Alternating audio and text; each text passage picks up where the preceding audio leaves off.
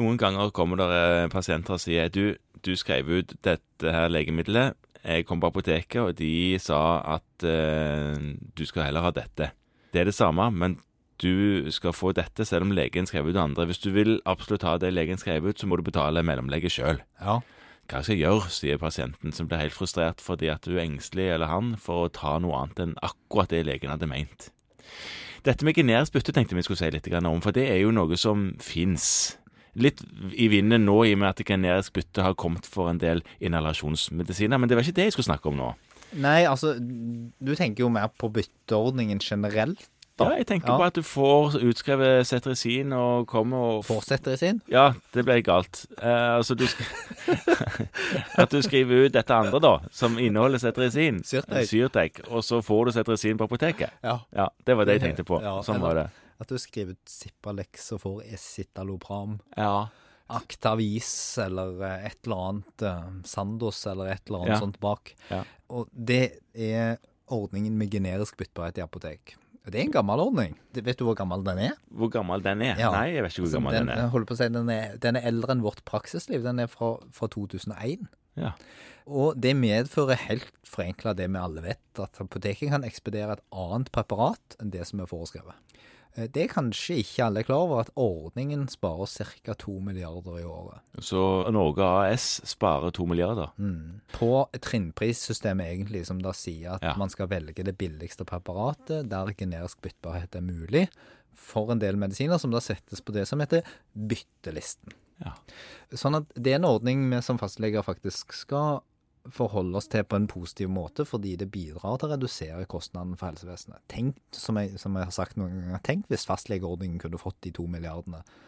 Da skulle vi vært positive til dette. Og så er det sånn at for at en medisin skal være generisk byttbar, så skal den på gruppenivå ha samme effekt og omtrent samme bivirkningsprofil som originalpreparatet. Ja. Så det må søkes inn og godkjennes. Den inneholder det samme virkestoffet. Problemet er at den kan ha en del andre hjelpestoffer. Og den kan også ha en viss variasjon i konsentrasjonen av virkestoff i forhold til originalen. Så det er ikke sikkert den inneholder nøyaktig like mye. Og på hvilken måte da? Nei, altså den kan ha noen prosent mer eller mindre oh, av sånn. virkestoffet. Okay. Og det er et poeng. Fordi at det er nemlig noen medisiner som har det som heter en begrenset byttbarhet. Og det vil si at du kun får lov til å bytte det første gang. Eksempel gjelder det epilepsimedisiner. Ja. Og det gjelder også stoffskiftemedisiner. Mm. For det er nemlig sånn at på en epilepsimedisin så har du ofte et veldig smalt terapeutisk spekter. Ja.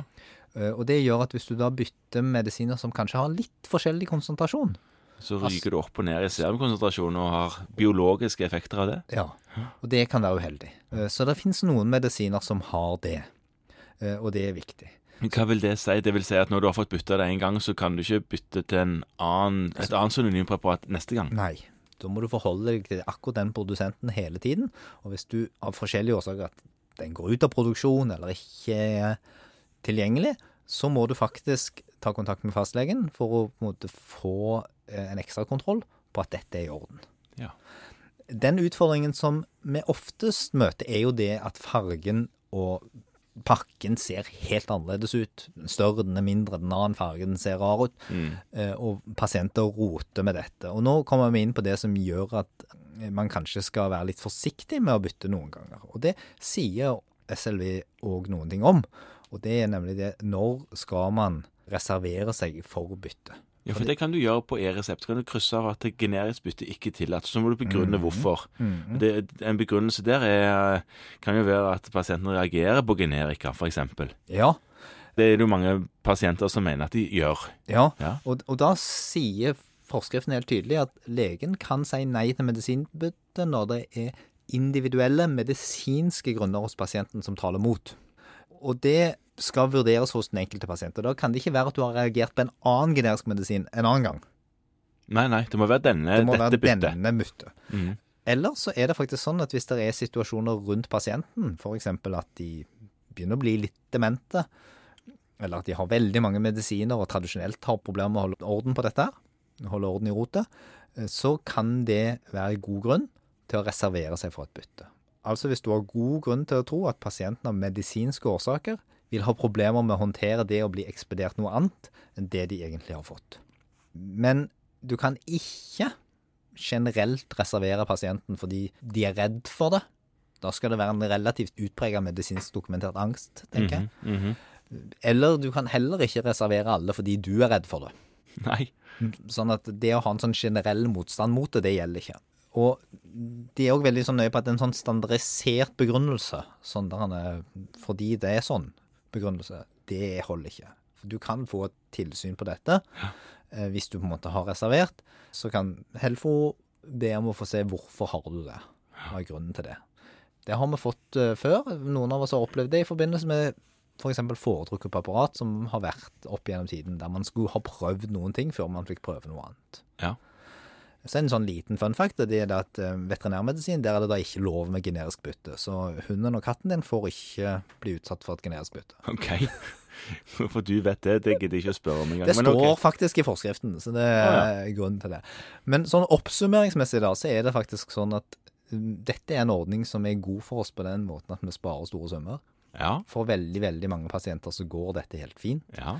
Det går fint for mange pasienter der medisinen pakkes i multidose, eh, fordi de forholder seg på en måte til de pillene de får.